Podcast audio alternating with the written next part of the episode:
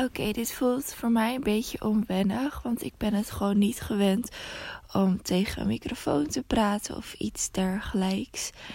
Maar um, dit is dus mijn eerste podcastaflevering. Ik ben Sophie en um, ik ga jou eigenlijk helpen met een uh, mindset change. Dus in mijn podcast wil ik eigenlijk het gaan hebben over onder andere hoe jij uh, tegen jezelf praat, uh, wat je tegen jezelf zegt. En um, ja, eigenlijk uh, wil ik jou motiveren om bijvoorbeeld ander gedrag te gaan vertonen, of bijvoorbeeld af te vallen, of wel die resultaten te bereiken die je graag wil bereiken. Maar ik denk dat dat ook grotendeels dus te maken heeft met um, mindset en ook um, ja, gewoon hoe jij uh, in je vel zit. Dus eigenlijk wil ik um, met deze korte podcast afleveringen uh, jou weer motivatie geven voor wat jij van plan bent. En uh, daarmee de positieve mindset eigenlijk te genereren. Uh, ik wil gewoon allemaal korte podcast afleveringetjes gaan maken. Zodat het uh, niet te lang duurt. Dat je het eventjes vlak voordat je gaat slapen kan luisteren. Of bijvoorbeeld als je het dan aan het poetsen bent.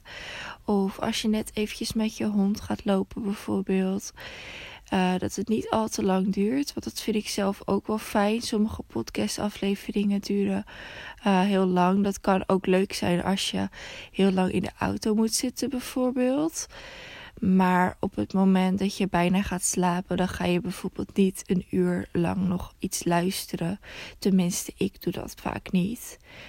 Want dan wil ik gewoon gelijk um, ja, een beetje snel iets luisteren, bijvoorbeeld. Of gewoon gelijk gaan slapen. Maar uh, ja, dit is dus mijn eerste aflevering. Bedankt voor het luisteren. En um, ik wil eigenlijk afsluiten met gewoon een motiverende quote. Deze is wel uh, in het Engels, maar ik kan hem eventjes gaan vertalen.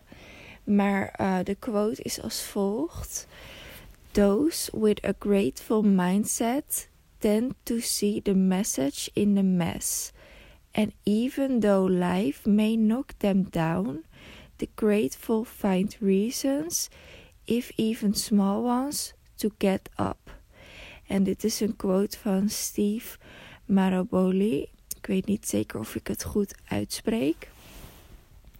Maar um, hierin wordt dus eigenlijk verteld dat op het moment dat je een mindset hebt dat je dankbaar bent voor dingen, dan zie je zelfs een soort van bericht in uh, moeilijkheden of in uh, ja, mes betekent letterlijk troep.